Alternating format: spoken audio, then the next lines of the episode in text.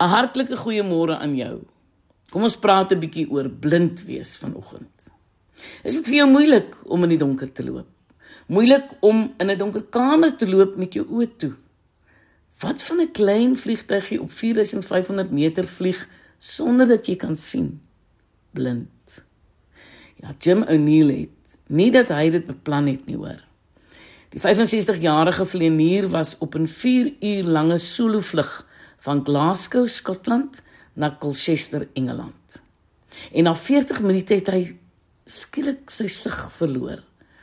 Hy het eers gedink dis die son wat hom verblind het, maar het gou besef dat dit baie erger is. Ek kon skielik nie die instrumente voor my sien nie. Dit was net waas. Ek was hulpeloos. Nou ja, hy het nuwe betekenis gegee aan die Engelse uitdrukking flying blind. En dit het later gebleik dat hy 'n beroerte gekry het. O'Neill het die radio van sy Cessna raakgevat en hom hulp geroep en Paul Gerard en vleuel kommandeer in die koninklike lugmag was besig met 'n opleidingsvlug daar naby en die lugbeheer uh, kontroleurs het hom gekontak en hy het in O'Neill se rigting gevlieg.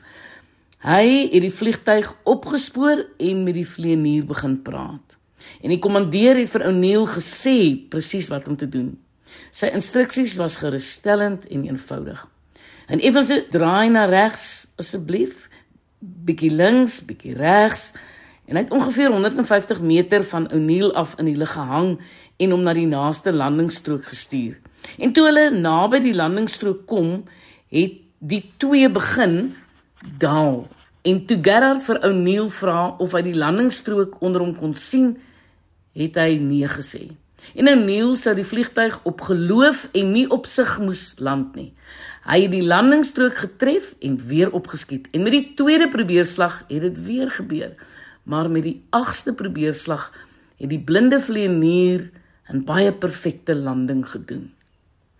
Het jy empatie met O'Neill? Ek dink tog jy het.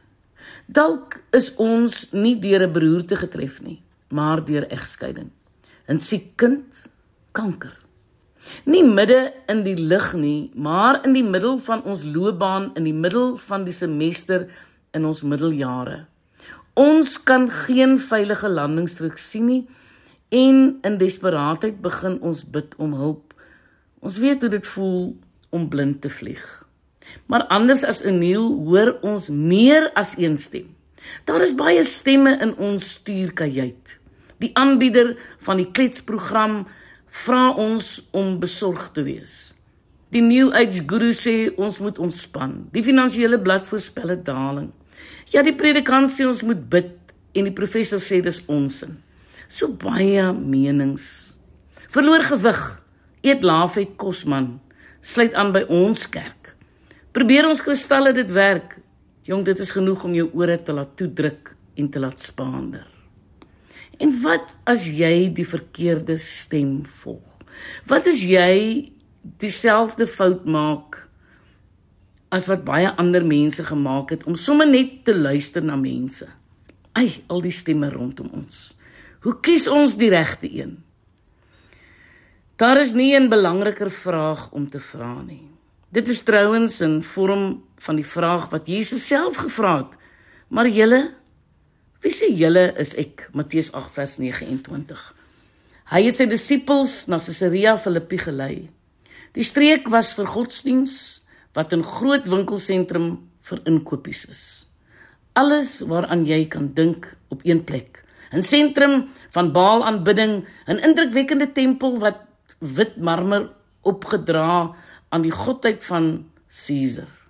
Altare van die Siriëse gode. Jesus binne hoër afstand van elke spirituele stem van sy era vra vir sy volgelinge. Wie sien die mense is ek? Hulle antwoord hom: Johannes die Doper en party sê weer Elia en party een van die profete. Maar julle vra hy hulle: Wie sê julle is ek?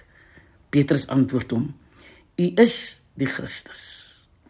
Ek wil vandag vir jou sê Luister by al hierdie stemme wat so in jou ore klink verby.